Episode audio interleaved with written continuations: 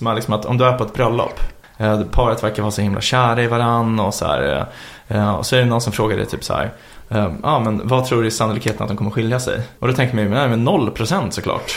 De är ju jättekära så det är klart att de inte kommer skilja sig. Ja men vad är skilsmässostatistiken för människor i deras eh, socioekonomiska grupp liksom? Och så tänker man, ja nej men det är väl det. Att eh, 55% skiljer sig, ja men då är det väl 55% sannolikhet att de kommer skilja sig.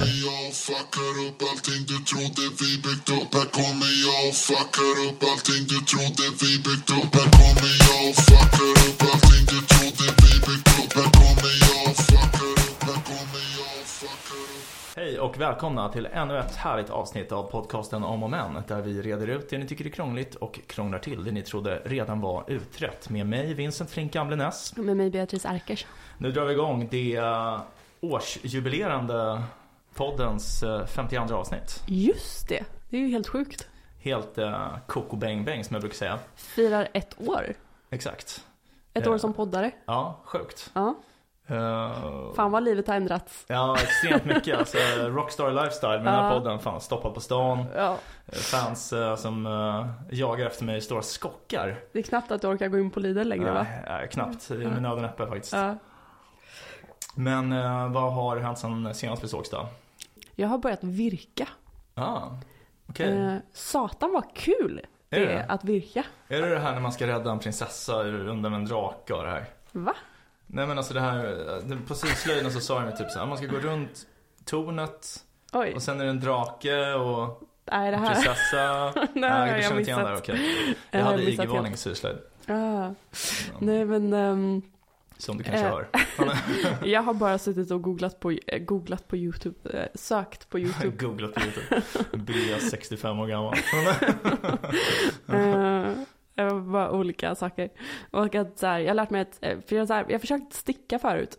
Men fått liksom ras på att jag, det inte har gått bra. Ah, ja, ja. Uh, och då blir jag arg och otålig liksom. Det förstår jag. Uh, och då, men nu har jag uh, googlat mig fram till att det är lättare att virka än att sticka. Och, ja, men så jag har börjat virka och så här, man kan virka ganska roliga saker ganska direkt. Har du gjort typ vantar?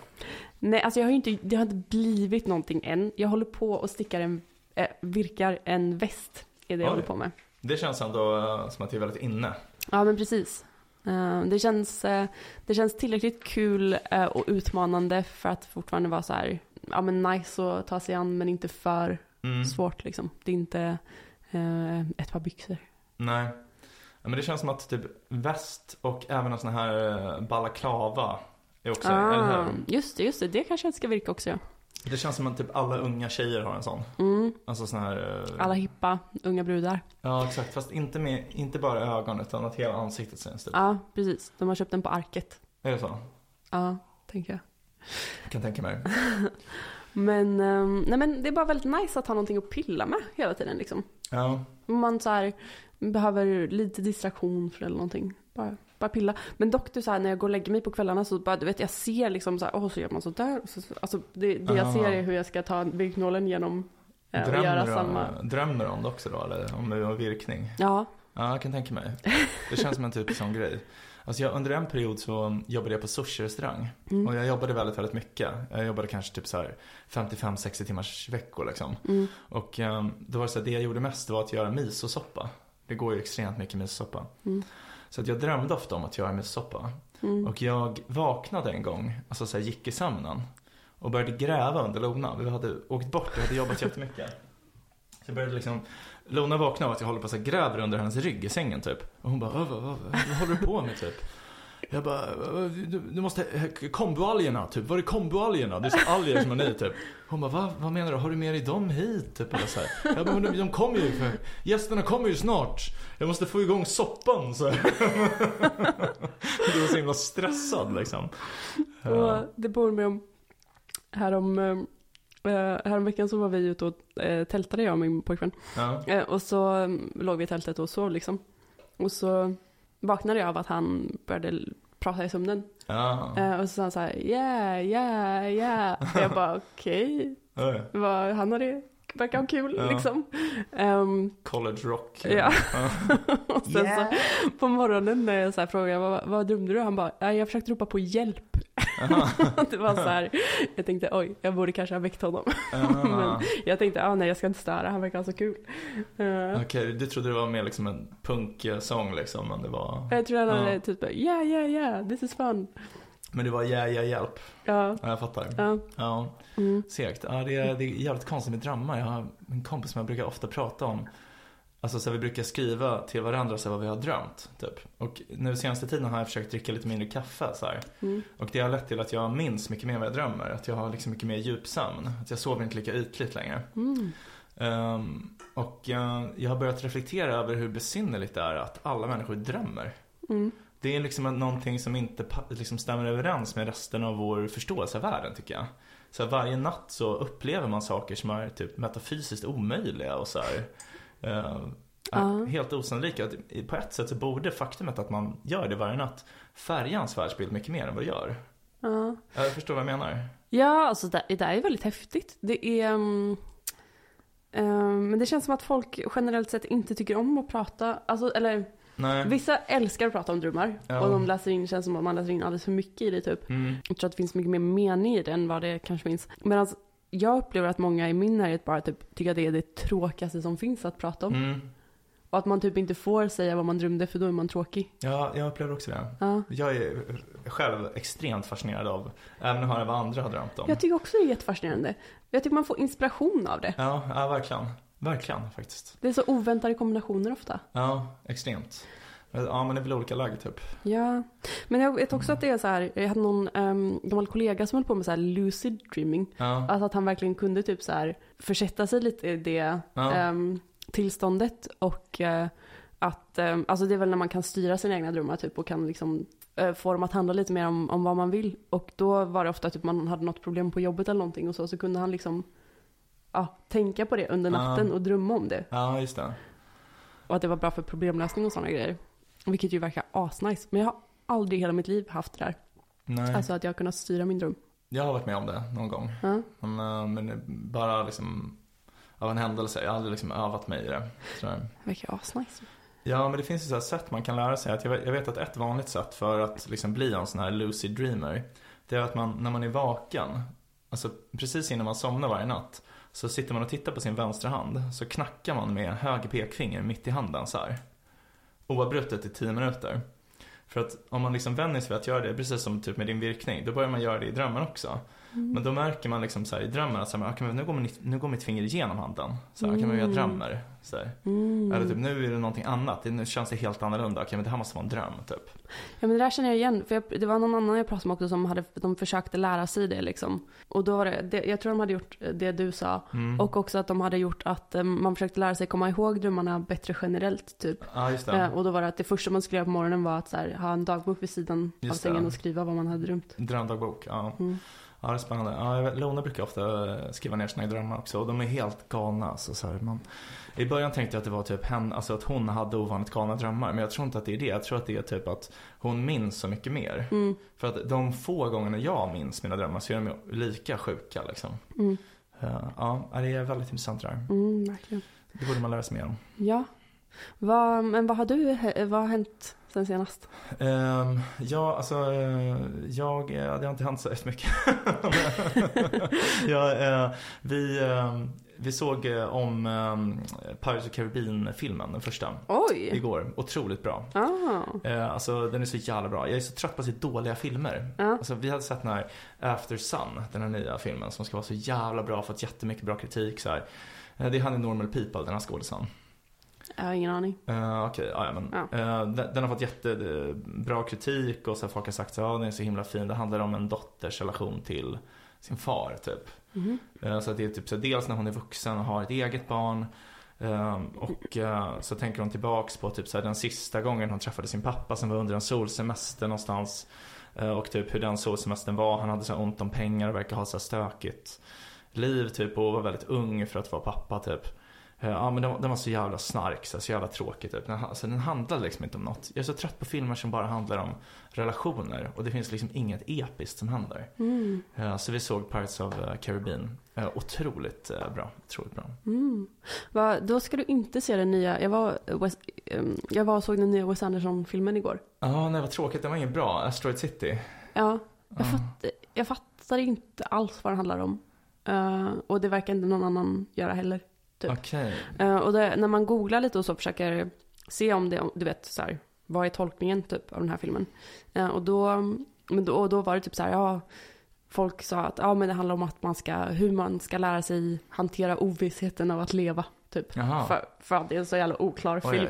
oj. jag, jag, jag känner lukten av en bra segway här. Jaha. eh, Eller? Ovissheten. Ja, just det, just det. Ja. Men okej, fan vad tråkigt att höra. Jag älskar Wes Anderson. Har du sett hans andra filmer eller? Ja, men det har jag. Eh, och alltså jag tyckte fortfarande det var kul att se för att jag ehm, tycker att de är så jävla snygga, hans filmer. Ja. Att jag så här fick inspiration, men jag kommer aldrig se den igen liksom. Nej. Men eh, visuellt sett så är de ju slående och den här var ju inget undantag. Men en jag tycker många, alltså så för att han har gjort några filmer som är otroligt bra som man kan se om många gånger som helst. Typ eh, Grand Budapest Hotel tycker jag är så. Mhm. Eh, Men sen alltså typ Moonrise Kingdom eh, och den här senaste Friends Dispatch. Mm. Båda de tyckte jag var bra men jag skulle inte vilja se om dem. Mm. Alltså den här som han, Ja, nej, jag bara börjar fundera på om jag har sett The French Dispatch. Ehm, den var Nej. bra. Alltså det med han Timothy Chalamet. Ja, men jag har, jo, men jag måste ha sett den. Den var bra, men den var, den var också så här konstig. Man bara handlar om vad ingen vet. Min favorit är faktiskt Darjeeling Limited. Ja, den är otrolig. Den Det vore dock väldigt kul att se The Royal Tenenbaums igen, för den Ja. har jag inte sett på väldigt länge. Den är också bra, men jag tycker nog mer om Darjeeling ändå. Ja. Men, eh, Det var verkligen så här min eh, topp fem-lista länge, alltså att den var med Mm. där. Mm. Så jävla bra med den här låten av Peter Sarstedt. Mm. Where do you go to my lovely? Mm. Väldigt bra. Väldigt bra. Eh, jag är också på jakt efter um, vilken som är Stockholms bästa biograf. För när man bodde i Uppsala så tyckte jag det var så tydligt att eh, ja, det fanns ju typ tre, tre biografer. Ja, eller fyra kanske. Ja, eh, och Fyrisbiografen var ju överlägset bäst Mm. liksom.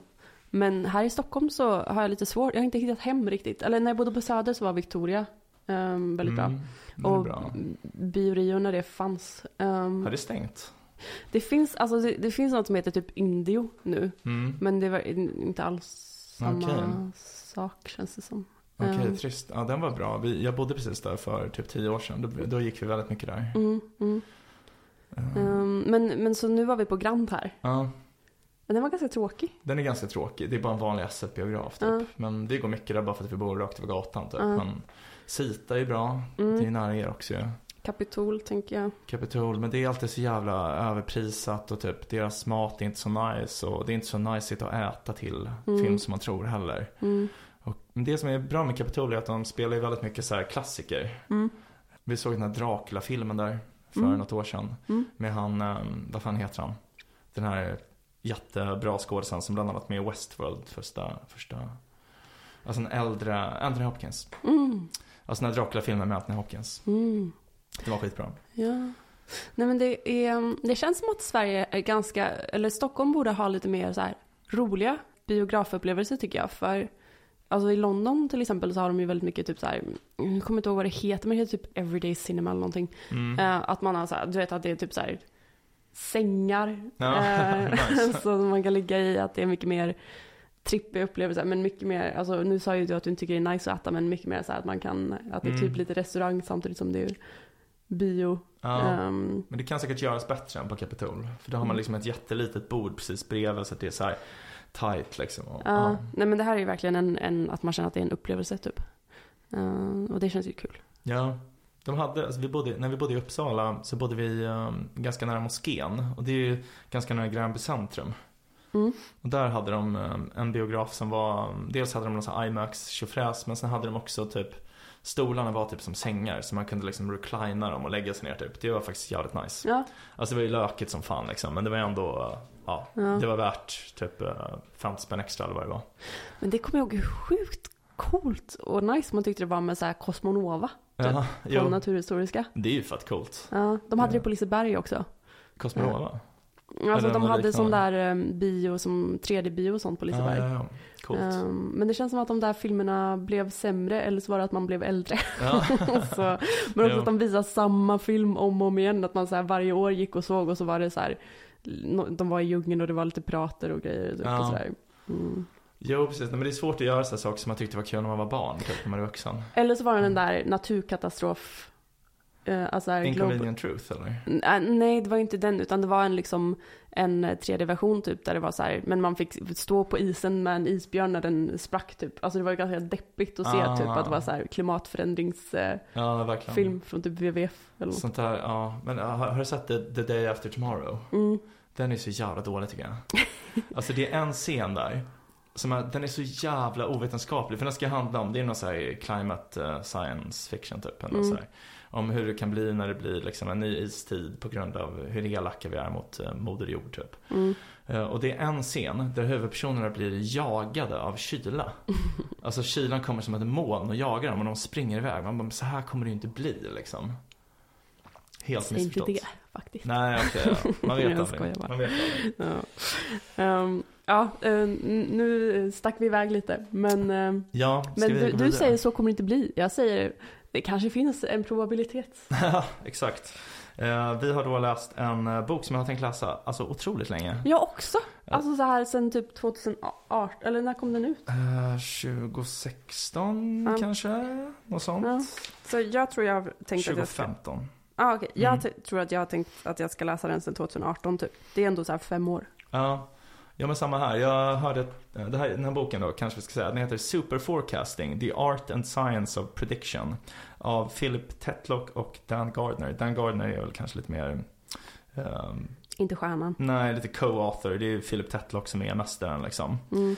Eh, Jag har tänkt läsa den här sen jag hörde ett poddavsnitt, en intervju med Philip Tetlock i 80 000 hours med Rob Mm. Wiblin. Mm. Avsnitt 15, ett av mina absoluta favoritavsnitt i en av mina favoritpoddar, Mm. All Time High. Ehm, Jag hade tänkt att jag skulle lyssna om på det nu när vi ehm, skulle göra det här avsnittet, men det har jag inte gjort. nej, Mm. jag lyssnade faktiskt om på det. Om Jag på tror- det.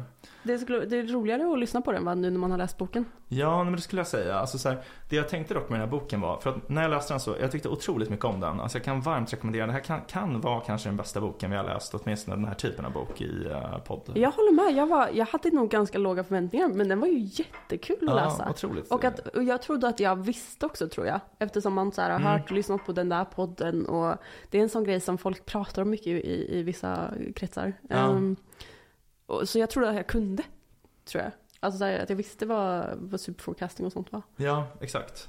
Men, eh, Men det var mycket nytt. Alltså det var mycket nytt, men samtidigt, jag tänkte nästan tvärtom. Att för att när jag, när jag lyssnade på podden Mm. så går den här igenom liksom eh, i runda slängar, så här resonemangen i boken. Och då kommer jag ihåg när jag hörde det, det var, kanske var typ 2018 någonstans där, 2018, 2019. Eh, då tänkte jag så här, bara, gud, allting är helt nytt. Så här, ehm, för att det han visar är så här att Um, alltså amatörer som är liksom väldigt duktiga eh, på att uh, förutsäga framtiden, som övar sig i olika så här, allmänna skills för hur man ska liksom vara träffsäker. De är ofta bättre på att förutsäga vad som kommer hända än experter i det fältet som förutsägelserna görs inom. Och det tyckte jag var så helt revolutionerande när jag hörde det första gången. Men jag har på något sätt inkorporerat hela den här världsbilden av typ att Um, ja, att man är liksom så här kvantitativt begåvad och sådär. Det, det är ofta bättre än eh, formell, liksom formell expertis eller konventionell expertis. Så att jag blev typ inte riktigt lika chockad av fynden nu när jag läste det. Som jag tror att jag hade blivit om jag hade läst boken direkt då, 2018. Mm. Även om, visst det var alltså så här, detaljerna var ju mycket som man inte alls kände till. Sådär. Mm.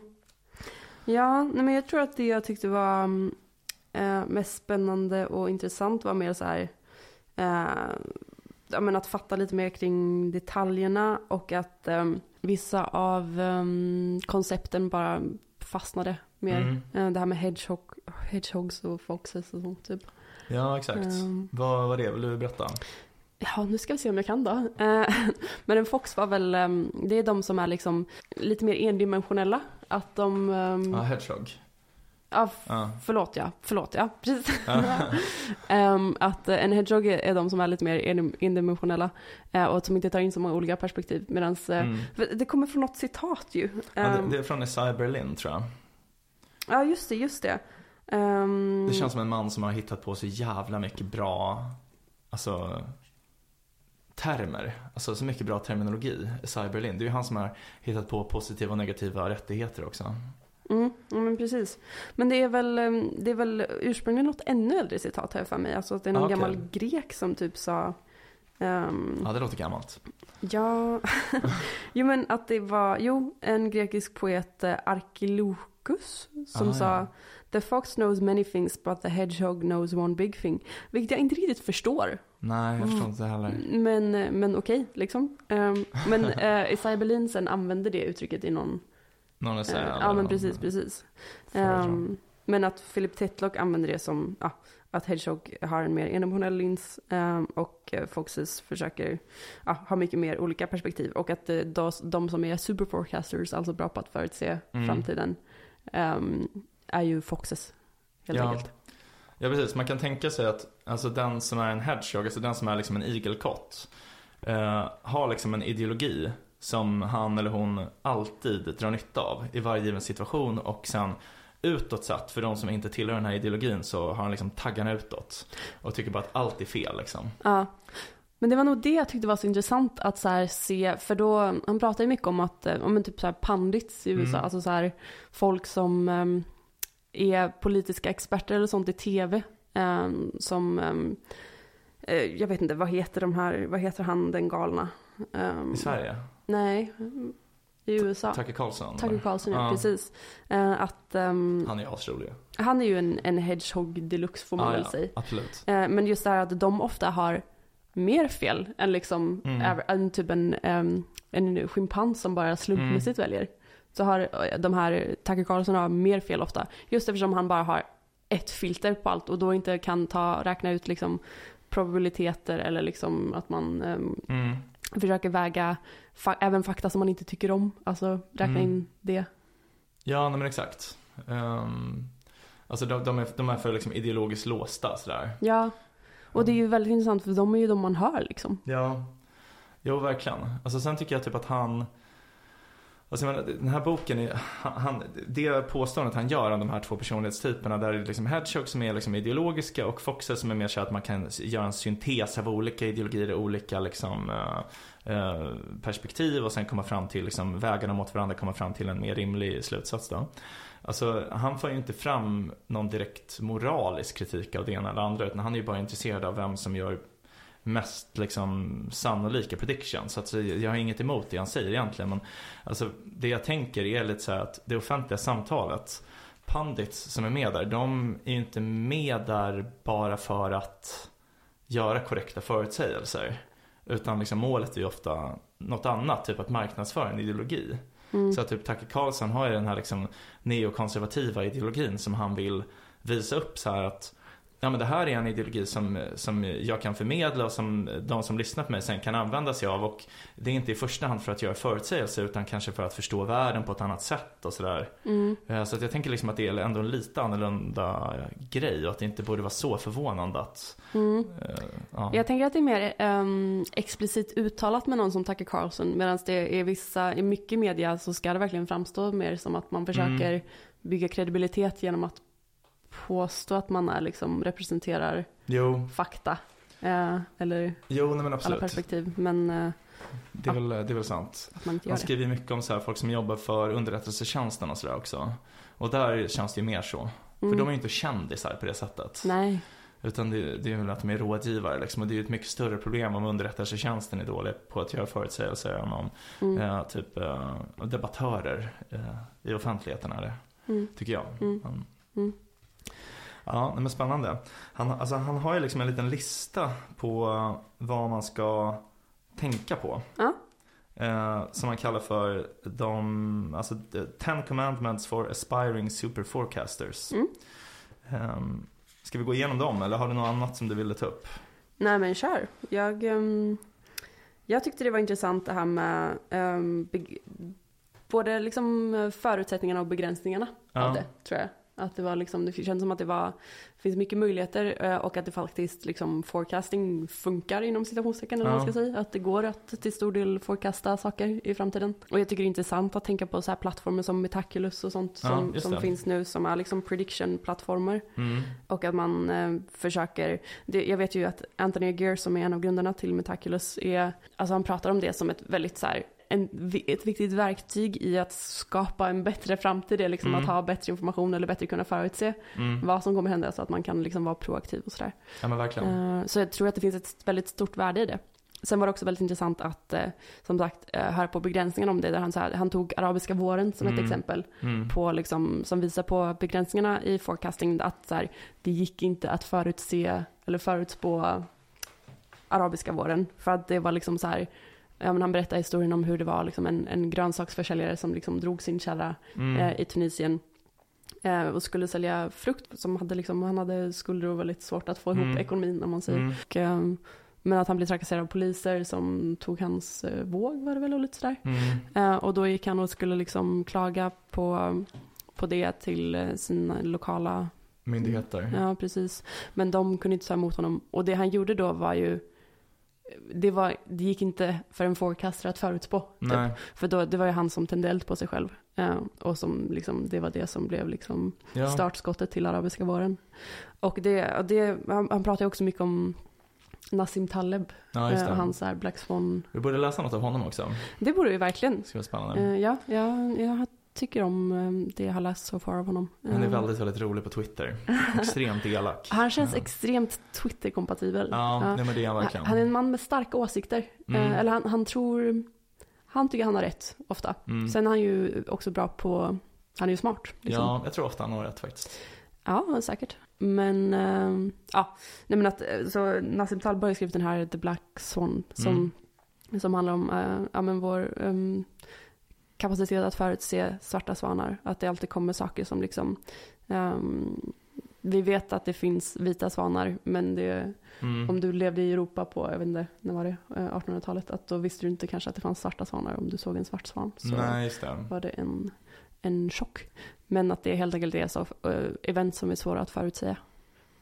Ja, precis. Men det är en lite, jag har alltid tyckt att det är en lite udda term. För att alltså, det han menar med Black Swans, det är ju typ någonting helt oförutsägbart som har ett stort inflytande över världshistorien. Mm. Men faktumet att det finns en svart svan har ju inte något inflytande över världshistorien. Det är ju bara oförutsägbart om man inte har sett dem. Ja, kanske det. Om man ska Ja. bli nitty gritty. Ja, nej men visst, absolut. Ja, Ja. det har väl sin Eh, Den är ju snygg i alla fall. Det är väl det. Det är väl därför den håller. Eh, eller fun- ja, blivit så poppis. Men det, det vet jag var intressant också under covid, typ att alla var så här, oh this is a black swan, men han var Ja. bara, det här var fan inte en black Nej, swan. alltså det var så Typ. långt ifrån en Black Swan man kan komma. Så det är verkligen, WHO har varnat för det här liksom i decennier. Och. Ja. Vi pratade ju till och med om det innan pandemin. Mm. Alltså, att, alltså pandemic preparedness. Mm. Eh, Det var ju verkligen eh, förutse, förutsägbart.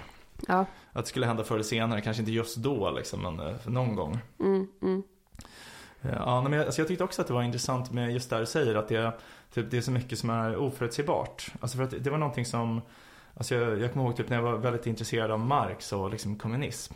Att, för där handlar ju allting om, eh, alltså det, Marx filosofi, den liksom materialistiska dialektiken handlar ju väldigt mycket om att allting som händer sker med materialistisk nödvändighet. Mm. Han var ju determinist. Och menade liksom att grunden för den historiska dialektiken, den historiska utvecklingen är liksom klasskonflikten. Och att eh, förr eller senare så eh, kommer ko- eh, kapitalismen att kollapsa under vikten av sina egna interna problem. Mm. Att det är liksom inte, det är inte en fråga om slump eller så det finns liksom inga, inga kontrafaktiskt möjliga världar. Utan Mm. det är liksom förr eller senare kommer det hända och kapitalismen kommer utvecklas till nästa historiska stadium som är kommunismen. Eh, Och att om Lenin inte hade gjort revolution så hade någon annan tagit hans plats. Mm. Eh, Och jag kommer ihåg att jag liksom kämpade väldigt mycket med den världsbilden för det har alltid gått emot väldigt mycket min egen uppfattning av världen. Jag tänker liksom att nästan allting händer av slump. Mm. Att det är så mycket kaos och liksom eh, Mm. när man tänker i efterhand så tänker man alltid men vad som helst hade kunnat hända. Typ, ja nu blev det så här, ja men nu, nu är jag och Bea kompisar och sitter och poddar här. Men det hade ju lika gärna kunnat vara så att eh, det inte, vi aldrig hade träffats typ. Eller så här, ja. Verkligen, verkligen. Ehm, Så det tyckte jag var intressant. Att, för att han, eh, han hade ju också en sån, eh, att han hade liksom gjort service av personligheterna. Så här, och de, de som är jättebra på att förutsäga framtiden i de här eh, eh, experimenten som de har gjort då. De har vissa saker gemensamt, vissa karaktärsdrag. Så på frågan om till exempel, finns det typ en mening med allt som sker? Så svarar de flesta nej, typ. Mm. Och typ så här, händer allt med nödvändighet svarar nästan alla nej, typ. Mm. Så det, det gör en typ bättre på att förutsäga framtiden att man inte har den världsuppfattningen. Mm. Så då kände jag mig stolt. Mm. Nej men verkligen, verkligen. Ja.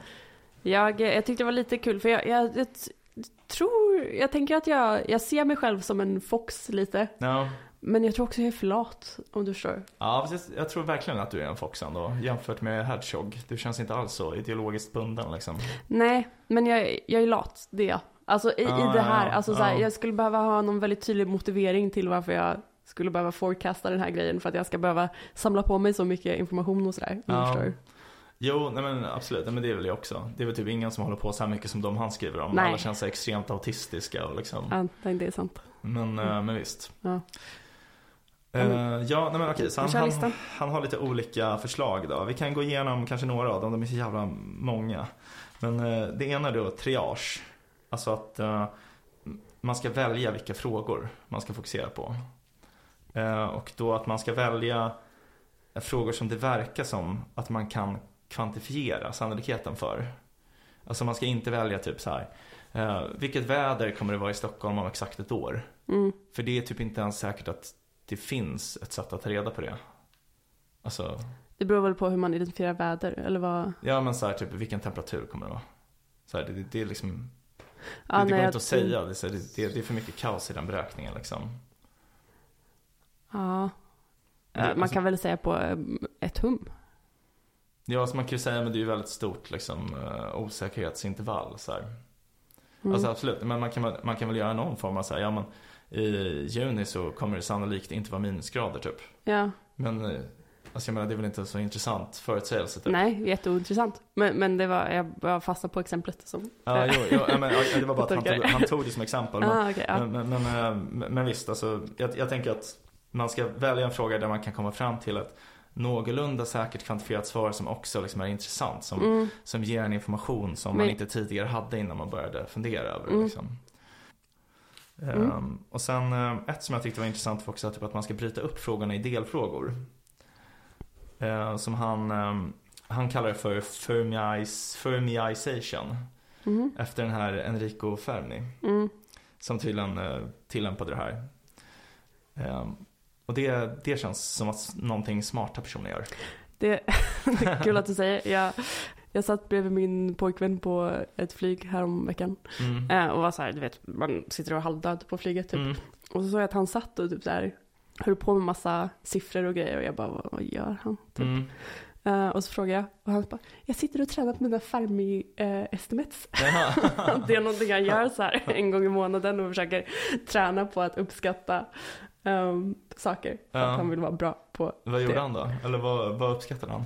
Det kommer jag inte ihåg. Men man kan ju säga eh, något exempel, är, alltså exemplet är väl typ att man ska, som han tar i den här boken, är typ så här, men hur många pianostämmare finns det i Chicago? Just det. Typ.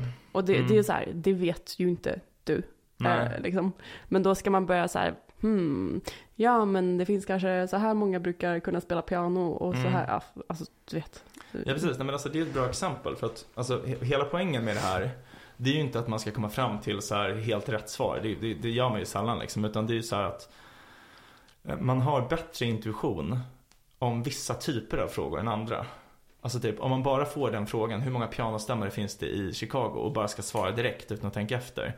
Då är det mycket mer sannolikt att man bara hamnar helt fel ute. Än när man först tänker typ så här, hur många bor i Chicago? Mm. Hur många pianon finns det i Chicago?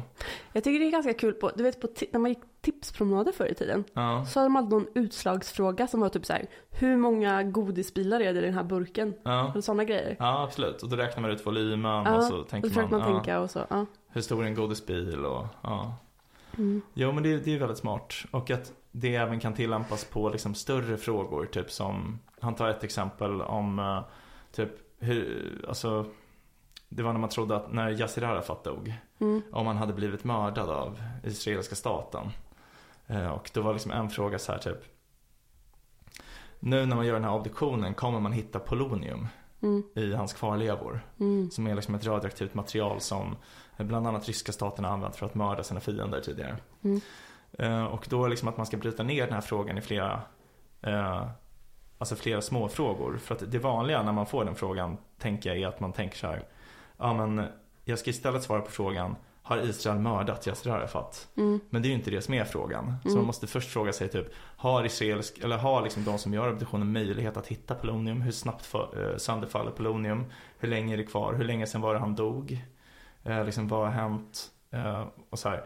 Förutsatt att det var Peronian som dödade honom, hur stor är sannolikheten att det finns kvar i hans kvarlevor nu? Och så här, ja, man delar upp det liksom i Yassir Arafat för övrigt eh, Ja. lärde jag mig när jag såg Ordförande Persson-dokumentären. Ja. Eh, det är ett sånt namn jag har hört tusen gånger men inte så här vetat, fattat vem det är. Typ. Nej, okej. ja. Eh, men då lärde jag mig, han var ledare för Palestina. ja, exakt. Det var han. Så mm, därför israelerna ville kanske. Just det, var därför de ville kutta honom. Ja, nej, men min, eh, min pappa var ett stort fan av Yassir Arafat. Han Mhm. hade Palestina-sjal och hela tjofräset. Mm. Mäktigt. Eh, Jag hade också på mig när jag var liten, det var lite oklart. Det hade- jag inte haft på mig idag kan jag säga. Men eh, på den tiden så kändes det som att alla hade det. Ja, Alla hade Palestina-sjalar. ja, ja. Det känns som att Sverige var helt sjukt pro-Palestina ett tag. Med hela Ship to Gaza och liksom. Mm, mm. ehm, Nej, verkligen. Det känns nu som att de man pratar med mer så här, ja men okej det är en komplex konf- konflikt och liksom. eh, ja, man kanske inte är för ockupationen men samtidigt så här, vad är alternativet? Vad hade, ja, jag vet inte. Ja, Det känns svårt liksom. Det känns också lite som hybris och tror sig, nej men jag har rätt lösning på kriget i Mellanöstern typ. Jag vet så här. mm. Men, eh, ja. Undrar om det beror på att eh, man har blivit mer ödmjuk överlag eller någonting? Eller om det var det... Um, alltså jag tror det, men jag tror också typ att världen har Politiska förändrats vindarna. lite. Alltså det, alltså jag, jag, vet, jag, jag kan ingenting om det här, men jag har fått intrycket att Palestina under Arafat var lite mer fredligt än vad det är nu. Typ. mm, Att det var färre typ raketattacker mot civila och så här. mm, Men, men jag jag vet inte om det är så. Um, mm. Mm. Ehm, ja, men så det var väl två då. Mm. Ehm, eh, och sen det tredje är det här med outside och inside views. Ehm, vad tyckte du om det? Eh, Jag kommer inte ihåg det så bra så du får gärna påminna mig.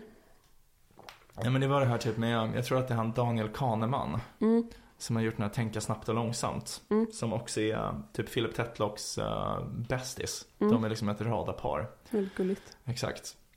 Han är han, han har tilldelats det här eh, ekonomipriset till, till Alfred Nobels minne då, som inte är ett Nobelpris egentligen. Beroende på vem man frågar. Ja, men det, alltså det, är, det instiftades ju inte av Alfred Nobel. Då tycker jag inte att man kan kalla det det. Mm, Men eh, det är Riksbankens eh, pris i varje fall. mm. Man säger, folk brukar säga att han har vunnit Nobelpriset om någon som har fått det priset. Jo, absolut. Det säger man ju om Kahneman. Men ja. Men eh, alltså absolut, man säger det. Men jag menar, det, det är inte sant, eller? Alltså, jag vet inte. Jag vet inte, jag, jag känner mig inte så petig med det där. Ja. Men om man, eh, om man ska vara korrekt så förstår jag vad du menar. Så. Men, eh, men, men okej, så han, han vann det här priset då, som kanske är ett Nobelpris. Typ ett Nobelpris kan man säga. Det är så nära man kan komma i varje fall. Men, men ehm, han, ehm, han eh, myntade de här begreppen där, inside view, outside view. Som är liksom att om du är på ett bröllop eh, och ehm, du tänker så här, ja men alla är så glada här typ och paret verkar vara så himla kära i varann och så här. och så är det någon som frågar dig typ så här, ja men vad tror du är sannolikheten att de kommer skilja sig? Mm. Och då tänker man ju, nej men noll procent såklart. De är ju jättekära så det är klart de inte kommer skilja sig. Men eh, det är liksom ens inside view. Då liksom tar man in hela atmosfären, allting man upplever just nu, ens personliga uppfattning. Men om man tar the outside view, då svarar man så här att ja men vad är skilsmässostatistiken för människor i deras eh, socioekonomiska grupp liksom? Och så tänker man ja, nej men det är väl det. Typ så här, säg att det är att eh, 55% skiljer sig. Ja men då är det väl 55% sannolikhet att det kommer skilja sig. Mm. Och att man måste ha liksom en korrekt balans mellan de här två. Men skiljer sig outside view, inside view från liksom system 1 och system 2-tänkande? Är, är det någon annan definition eller är det bara samma sak Ehm, olika? Alltså system 1 är väl det här liksom att man svarar snabbt. Ja, Och system 2 att man tänker efter. Ja, men jag tänker att det, det skiljer sig lite ändå. För man skulle ju kunna typ i system 2 när man får lite tid att tänka efter ändå tänka så här, ja men, ja men ska de skilja sig? Nej men han brudgummen han har ju pratat så mycket om henne tidigare och jag minns att han sa det här för ett år sedan och typ så här ta in, tänka efter och ta in information från ens inside view. mm, Så jag tänker att det skiljer sig lite men ofta så, mm, alltså outside view tillhör väl alltid system 2 tänker jag. mm. Eller om man inte verkligen är en så här sjukt autistisk person. Ja, Som bara spontant säger så här, ja men det är samma som ja, nej men precis. Men det sa han ju också. Det var ju intressant att han sa att så här, det blir nästan, för många blir det i system 1 till slut. För att de är så vana att tänka i probabiliteter och sånt. Ja, ja, typ. ja, intressant, den minns jag inte. Mm. Alltså folk som är Alltså så v- super- hos superforecasters, Ja. inte hos gemene man. Så är det verkligen inte hos gemene man. Ja men coolt, ja men det är, alltså jag tror typ att det är Alltså folk underskattar eh, kraften av um, the outside view. Mm. Jag tror att det är nästan alltid mer rätt ändå. Mm. Som en baseline liksom. Mm. För att människor är så, nej men alltså, jag vet inte man typ Alltså så här, jag är i mitt huvud hela tiden. Så Mm. jag, jag upplever världen ur mitt första persons perspektiv. Så därför så tänker jag att mina åsikter om saker är mycket viktigare än andras åsikter. Men när man tänker efter så är det bara så här, men varför skulle de egentligen vara det? Mm. Så varför eh, ska man inte anta att allas åsikter är lika mycket värda typ? Men ingen kan ju leva upp till en sån standard liksom. Det skulle ju vara outhärdligt tänker jag. Mm. Eh, Mm. Ja, jag tyckte typ att det var en av de mest intressanta delarna. Ja, Ja, nej jag tycker verkligen. Vill du läsa upp nästa eller? Ja, visst. Ja, men det här tyckte jag var intressant. Strike the right balance between under and overconfidence, between prudent, prudence and decisiveness. Um, Ja, just det. så um, han diskuterar ju det här om um, ja, men att så här, folk som är väldigt osäkra brukar inte vilja uttala sig så mycket. Mm. Eh, ehm, men att det är ju en av sakerna han, han menar, alltså han, han säger typ det här, the key is doubt, typ, till, Mm. till att vara en bra forecaster. Så att inte bara gå på system 1 eller känslan eller inside view. Mm. Ehm, utan då eh, tänka och överväga olika probabiliteter och ta in så mycket eh, fakta och vinklar som möjligt. Men att han då fråga, fråga, ställer frågan typ om, ja men betyder det att liksom, är too confident så är man en dålig forecaster? Typ. Men man behöver ju också ha någon sorts confidence för att eh, Mm. vara en bra forecaster. Typ, eh, och då, då tar han något exempel med en pokis, po, po, pokerspelare, pokerspelare Ja. eh, Annie, Annie Duke, väl? Just det, just det. Ehm, en av världens bästa pokerspelare, som ehm, pratar om, eh, ja, ehm, han frågar henne typ, är du, är du confident liksom? Och då säger hon något, ja hon är confident liksom som pokerspelare, Mm. men att hon ändå är alltid um, cautious, eller jag vet inte vad, man Ja, kommer inte ihåg exakt. jag älskade den passagen också. Ja. var otroligt bra. Att hon, hon sa något så här, typ att hon eh, She always respects the game. Ja men precis. Typ så att, ja men man kan, alltså i, ett, i själva spelet måste man alltid, man måste vara ödmjuk för spelet. Ja, Att liksom världen är osäker, du vet aldrig vad som ska hända. Men det är en annan sak än att vara liksom ödmjuk inför andra människor. precis, precis. Alltså- du, du sa det mycket bättre, ja. Men det, jag tyckte det var väldigt intressant. Och Ja. att det är så här, det känns som en bra påminnelse bara. Ja, ja verkligen. Och det känns också som att jag, han tog också upp som exempel Winston Churchill. Mm, Jag läste nyligen en biografi av honom, eller det är något år sedan. Men, det, men det är, alltså, han har verkligen rätt i att det stämmer överens med hans personlighet. mm, För att alltså Win- Winston Churchill var ju liksom en person som var extremt arrogant mot andra människor. Och tyckte att han var så extremt mycket mer begåvad och eh, eh, liksom kompetent än, eh, än sina kollegor och motståndare. Men han var ju inte, alltså sen när det kommer till politiska förutsägelser så var han ju inte alls en person som var typ så här tvärsäker ideologiskt. Utan han bytte parti två gånger under sin livstid. Och liksom tyckte hela tiden så här att nej men vi måste vara försiktiga med våra förutsägelser liksom. mm, Så att det, är, det är verkligen så här, den typen av personer som blir bra ledare. mm. Att man har extremt gott självförtroende i förhållande till andra människor. Men i förhållande till liksom världen och ens arbetsuppgifter så är man extremt ödmjuk. Mm. Det är liksom en ja, men, eh, beundransvärd eh, kombo av egenskaper. Liksom. Mm, nej, men precis. Det är, det är asintressant. Ja. Och att det är intressant då som du säger, att man tänker inte på Churchill som en uh, ödmjuk kille. Nej, precis. Ja. Okej, nu ska vi se. Vi kan, ska, ska vi ta en till då? Sen kan vi kanske gå vidare. Vi har ju faktiskt gjort våra egna förutsägelser. vi Just det, just Ja, det. vi kan gå vidare till. Mm. Ja, men alltså, det här kan man ju ta då, eh, som exempel. Alltså, eh, bring, bring out the best in others and let others bring out the best in you. Att, alltså, han, eh, det låter ju banalt på ett sätt och platt. Men han skriver mycket om typ att team av superforecasters är liksom mycket bättre än... Just det, det var ju superintressant också. Ja, För då var det väl att han hade kollat på liksom så här olika... För ofta tänker man att gruppdynamik kan leda till liksom en låsning i, mm, eh, i i att man bara säger ja men vi kör på det här. Eller att han pratar också om att folk underpresterar i grupp mycket mer. Ja. Eh, att man inte gör, gör lika mycket liksom, research Nej. eller effort. Men det var ju jätteintressant att grupper överlag, wisdom of the crowd och sådana grejer, att här, grupper överlag fick mycket mer rätt än individer ja exakt. Verkligen. Men alltså, jag tänker att det är något som... Eller jag uppfattade hans budskap mer som att så här, men det är svårare än vad man tror att få liksom en epistemologiskt gångbar gruppdynamik. Mm. Det räcker inte med att bara samla smarta personer i ett rum. Eh, utan de måste ha rätt typ av personlighet. Alltså han beskriver ju också typ att intelligens är liksom viktigt för att bli bra på det här. Men det är inte det viktigaste. Utan det viktigaste är liksom att man är en person som är väldigt öppen och hela tiden intresserad av nya perspektiv och så vill, vill liksom förbättra sig själv hela tiden. Mm. Och om man sätter ihop massor av sådana människor med varandra som liksom hela tiden vill lära sig och liksom bedömer varandra efter vad de kan erbjuda för ny information och nya perspektiv. Då blir gruppen så här extremt mycket bättre. Mm. Eh, så han, han, tar ett exempel på när eh, Obama-administrationen försökte hitta bin Laden mm. i Abbottabad i Pakistan. Och så tar han ett exempel som han använt i sin undervisning. Han är psykolog då och undervisat på massor av toppuniversitet i USA. Ett Tetlock alltså. Där det var Obama frågade sina rådgivare så här, hur stor sannolikhet tror du att den här mannen som vi har sett på kamerorna är bin Laden i det här huset i Abbottabad? Och då hade han tio rådgivare och alla sa men, ungefär 70%. Mm. Och då frågade Tetlock sina studenter så här, men hur stor sannolikhet tror ni att, då att det är? Mm. Att det är bin Laden? Alla mm. säger 70%. Och då svarar typ nästan alla studenter så här bara, men vilken dum fråga, det är så självklart typ. Det är 70%. Mm. Så om alla säger att det är 70% då är det 70%. Men då är hans poäng så här att, nej men, alltså det är ju bara sant om alla rådgivarna är kloner av varandra. Mm. De har exakt samma personer, samma personlighet, som har exakt samma bevismaterial. Men säg att det är så typ att du har tio stycken rådgivare. En baserar sin bedömning på att han har brutit kod. En baserar sin bedömning på att han har varit där och spanat själv. En baserar sin bedömning på att han har en hemlig källa som inte de andra har fått höras om. Så alla har olika skäl att säga 70%. Då är ju sannolikheten i själva verket extremt mycket högre. Mm. För att det är ingen enskild person som har alla bevis. Mm. Och då kan man tänka att om de hade det, då skulle kanske sannolikheten vara typ 95% liksom. Mm.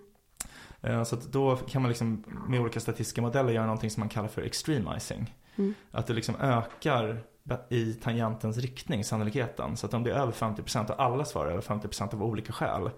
Då är det så mycket småsaker som pekar i den riktningen så då ökar man sannolikheten. Det tycker jag var en väldigt här, intressant statistisk förklaring för varför grupper slår individer. Verkligen, verkligen. Mm. Ja, nej, asintressant. Uh, men ska vi uh, göra, vi tänkte då att vi ska göra några egna forecasts ja. som vi då om ett år, om vi fortfarande poddar då, uh, ska se. Hur rätt hade vi? Ja. Vem vinner? Exakt. En tävling. Uh, ja. Och så kan vi också förklara, för det är en annan sak som man tar upp, att man ska hela tiden förklara hur man resonerar. Mm. Om man vill bli bättre. Mm. vi får se hur det går då. Jag har så här, um, jag, jag satt, uh, tog två minuter och, och forecastade. Jag har inte gjort någon research på någonting här. Jag har bara gått på uh, magen i princip. Um, så, så jag tror ju inte att jag uh, kommer ha någon fantastisk uh, hitrate. Nej, inte jag heller. Jag gjorde det här på typ en timme. Ja, men, uh, ja, men då la du ändå lite tid. Ja, jo, men jag googlade runt en del. Ja, men då, då borde du nog vinna över mig. Ja. Um, men då, då kör jag den första. Ja, vilken var det då? Um, så då tänker jag Republikanernas presidentkandidat. Vad är sannolikheten att Trump kommer bli Republikanernas presidentkandidat i det kommande valet eftersom det är eh, amerikanskt presidentval 2024? Ah, okej. Okay. Fan, jag um, svarade på en annan fråga säger jag nu. Ah. Okay. Jag svarade på vad är sannolikheten att Trump kommer bli president? Ah, okej. Okay. Uh, men okej, okay, ja. Men du räknat. kan ju säga din reasoning för det också. Uh, ja. Uh, men jag sa i alla fall att det är 60 procent. Mm. Uh, och jag baserade det på att jag har lyssnat på USA-podden. och att jag tror han har just nu, um, alltså han har ju majoritetsstöd för att bli Republikanernas presidentkandidat. Ja. Um, och um, att det var ungefär 60 procent uh, mm. som stöttade honom. Sen så är det ju, det finns ju en chans att till exempel den här Ron DeSantis går om. Mm. Uh, särskilt nu när han, Donald Trump också är väl um, åtalad eh, för mm. någonting nu igen. någonting väldigt allvarligt. De här ja. eh, hemliga, hemlighetsstämplade dokumenten som han hade vägrat att lämna tillbaka till FBI och grejer. Mm. Um, men um, ja, det är min väldigt uh, enkla humble forecast. Ja, alltså grejen är att jag tror att Um, Okej, okay, men nu, nu blir det lite on the spot här då. Men uh, alltså jag, jag, tror att det är nog kanske lite mer sannolikhet. Men nu är det verkligen bara magkänsla här. Mm. Alltså jag, jag, för att jag tänker typ att DeSantis uh, är den kanske enda andra som har en chans. Mm. Alltså typ Pence kommer ju aldrig vinna. Mm, Eller liksom, det, det, det, det, är ju Trump eller DeSantis då. Och jag, jag, jag tror att den, den chansen är väldigt mycket mindre ändå. Så jag skulle tro att Trump har ändå en, alltså typ så här 70-80% chans att bli. Mm. Och det jag svarade på var då liksom om han blir Republikanernas presidentkandidat, vad är liksom den chans han har att bli president? Mm. Och då, då tänkte jag så här att han är, eh, vad, vad är han, 76 år gammal? Något sånt där. Mm. Och en 76-årig man har en årlig dödsrisk i USA på 4%. Så att om han dör kan han inte bli president. Mm. Det är ju givet liksom. Och sen eh, kollade jag hur stor andel av alla sittande presidenter som har förlorat ett omval. Och då var det eh, 10 av 46. Så det är ganska ovanligt. Mm. Ehm, och då är det då så att 22% sannolikhet att en sittande president förlorar ett presidentval och 4% risk att Trump dör. Så då är man uppe i 26 eh, procent. Ehm, nej, nej, vänta, det, det måste gå åt andra hållet. Ja, men då är man uppe i eh, alltså 18 procent typ. Eh, men eh, sen kollade jag också så här prediction markets, alltså folk som bet- Mm. bettar liksom. Mm. Eh, och då såg jag att eh, man kan köpa ett Alltså så en prediction market fungerar som att du köper en token eh, till ett visst pris. Eh, och om, om det infrias, det du bettar på, då får du en dollar. Och nu så, så om man köper en Biden-token då, då, då kostar den 45 cent. Mm. Så att du kan liksom betta på att Biden vinner och då kan du nästan dubbla. Mm. Så då liksom tänker man att det är typ 50-50 och om du, om du köper en Trump-token så kostar den eh, 30 cent. Så att det, då tror liksom prediction marketsen att det är fem, alltså att det är liksom 50% mer sannolikt att Biden vinner än att Trump vinner. Mhm. Eh, Så att jag liksom räknade upp det här eh, outside viewen till typ 40% om det står mellan dem. Alltså i nuläget då. Så 40% att Trump blir president. Mm. Kul att du gjorde det ändå så pass, alltså så här att du gjorde det på riktigt. Ja, Mm. ja men det, det var ganska kul. Mm. Så nå- någonstans mellan 35 och 40% i dags, dagsläget då. Men Ja. alltså grejen är att jag har alltså på ett sätt så kommer ju, alltså jag har gjort lite fel för att jag har utgått ifrån att Trump blir presidentkandidat. Men betting marketsen utgår ju inte från det. Alltså typ att om, ehm, om Trump vinner primaries, då kommer det ju bli dyrare att köpa en Trump-token. Mm. Eller hur? Så att jag, alltså liksom, alltså jag, jag vet ju att jag, jag har inte gjort det här på ett bra sätt. Men det, alltså det, det, är- det är liksom första gången jag gör den här typen av grejer. Så det var ändå kul att försöka liksom. Mm. Ehm, och fundera ut hur man ska gå tillväga. Mm. Eh, Okej, men då gör vi nummer två. Eh, och det var då vem som kommer bli, ehm, eller om Joe Biden kommer bli Demokraternas presidentkandidat. Mm. Ehm, och då, återigen, jag har inte gjort någon research. eh, så det är inte så kul kanske att lyssna på mig, ehm, eller min reasoning här. Ehm, men jag satte 75% Mm. för att jag tänker att det är ehm, eh, som, han har uh, annonsat att han kommer ställa upp. Mm. Det verkar finnas motstånd inom Demokraterna men det finns inte heller någon tydlig efterföljare. Så det mest troliga är att eh, Biden blir eh, kandidat igen. Ja. Eh, och också det du sa om eh, eh, att det är ovanligt att sittande presidenter inte blir omvalda. Ja. Eh, så egentligen tror jag jag skulle satt den högre nu när vi har pratat lite mer om det i och för sig. Men, men jag satte 75 så det eh, Mm. tar jag. ja, precis. För att, då är frågan om Biden vinner Demokraternas primary, eller hur? Mm, om han får stödet från... Ja, av, av partiet. För Ja. där såg jag typ att det, alltså fenomenet när en sittande president blir utmanad i primaries, det kallas för primary challenge. Och eh, det har aldrig hänt att en sittande president har förlorat en primary Mm. challenge. Alltså Mm, i, i hela USAs historia. mm, Eh, så att, alltså typ, the outside view är på ett sätt kan man säga det är 0% mm, eh, chans. Men det är ju lite klart inte det. Mm. Så att, så jag, jag räknar med att det kanske är en, en till 3% risk. Att Mm. han förlorar en primary challenge och det blir någon annan. Eller risk, alltså jag tycker det vore bra om det blev en annan. Eh, men sannolikhet. Men däremot så är han 80 år gammal. Så att Mm. han har en dödsrisk på 67% det kommande Mm. året. Så att jag, jag satt eh, 93% sannolikhet. 6 till 7 procent. 67%. Ja. Inte 67 procent. Nej, nej, nej, Nej. eh, 67%. Ja, ja. Ehm, Okej, så, så, så sa du 93 procent? 93% Ja. att han vinner primaries. Eh, Och den risken att han förlorar domineras ju helt och hållet av hans dödsrisk. Så det, det är liksom, eh, det är liksom det, om han förlorar primaries så, så tror jag att det är ungefär 80% sannolikt att det är på grund av att han är död. Mm.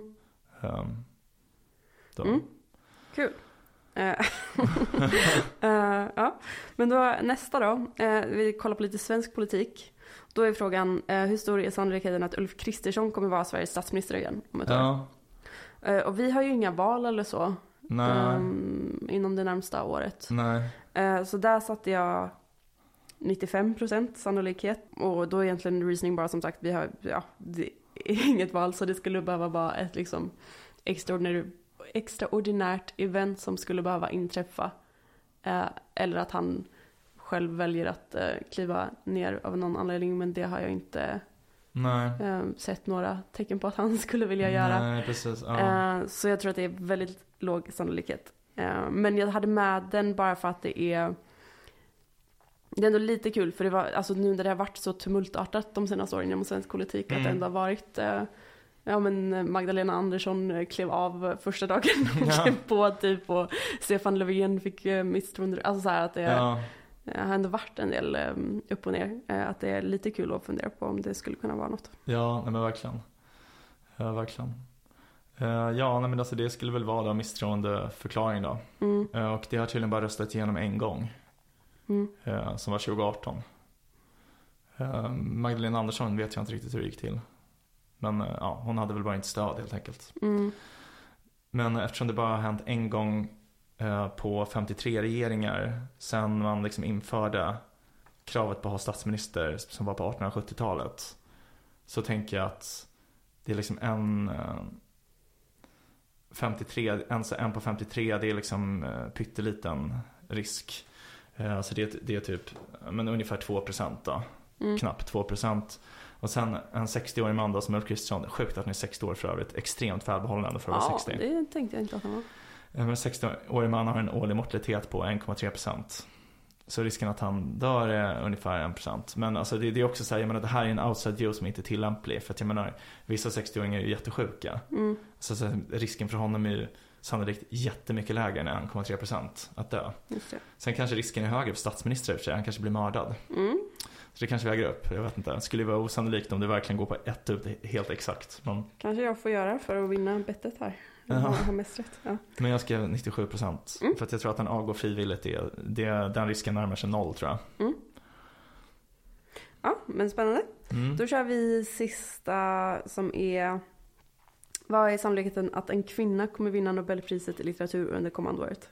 Ja, Eh, och då, då finns det ju Jag satte bara 50% ja, för att det Dels tycker jag det är en bra proxy om man inte har någon aning Ja. typ om, Alltså så här, om det är någonting jag inte kan någonting om eller kan Ja Att det um, Då är ja, Då är väl 50-50 ett ganska bra alternativ Mm. liksom Eh, Och sen så bara att eh, Jag tänker att det är ehm, Det är ganska binärt Det är antingen en man eller en kvinna Eh, ja som- du kommer bli cancelled nu kan jag säga. Ja, Nej. kanske. Eh, Ehm. Turf B här. Eh, det, det är mest troligt att det är antingen en man eller kvinna. Ja, ja, det är bra. Ja. Ehm, och att, eh, ja, då är det ju 50-50 typ. Ja, Så. jo men fair.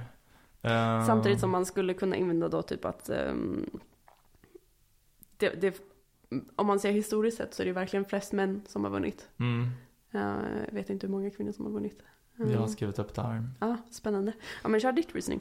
Ja, men okej, 50% då. Mm. Vi är väldigt nära varandra kan jag säga. Men eh, jag kollade att, alltså historiskt av alla Nobelpris i litteratur så har 16,3% tillfallit kvinnor. Mhm.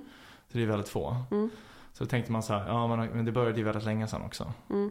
Så att frågan är om den outside viewen är korrekt. Så jag kollade de senaste 25 åren.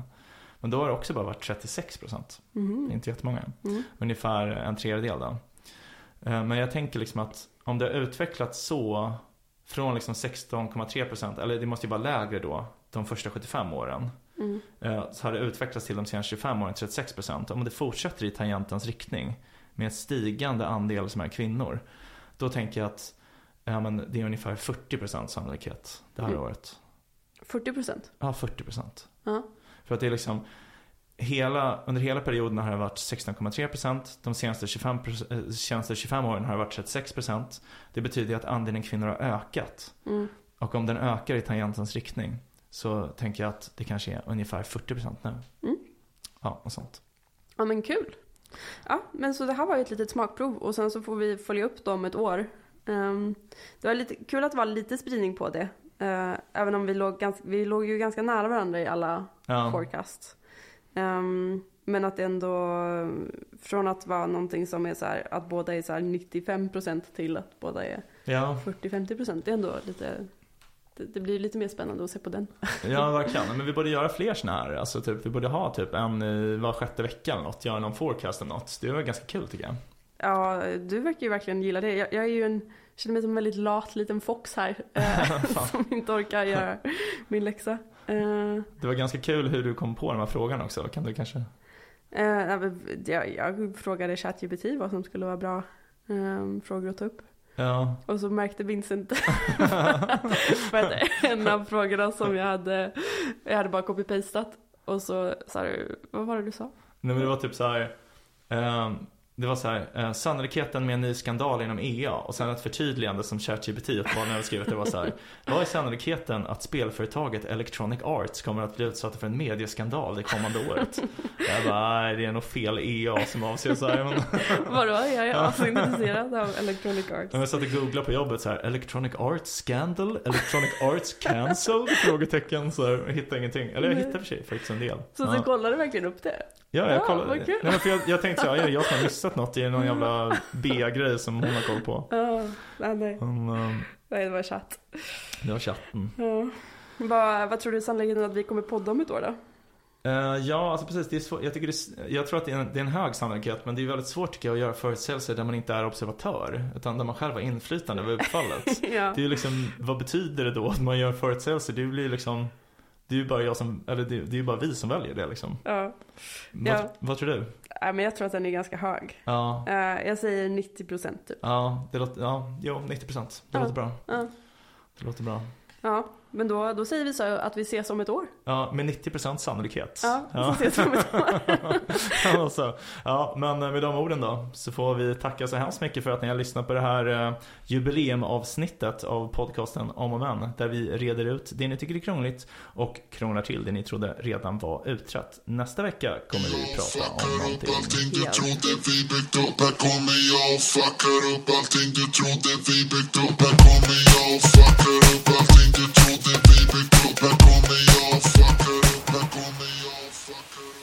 vi har en mejladress om och men at gmail.com om och men at gmail.com Hör gärna av er om ni har några förslag på ämnen vi kan ta upp i podden eller om ni undrar något. Vi kommer att svara på alla mejl. Tack för att du har lyssnat. Vi hoppas att du vill lyssna även på nästa avsnitt som kommer på måndag.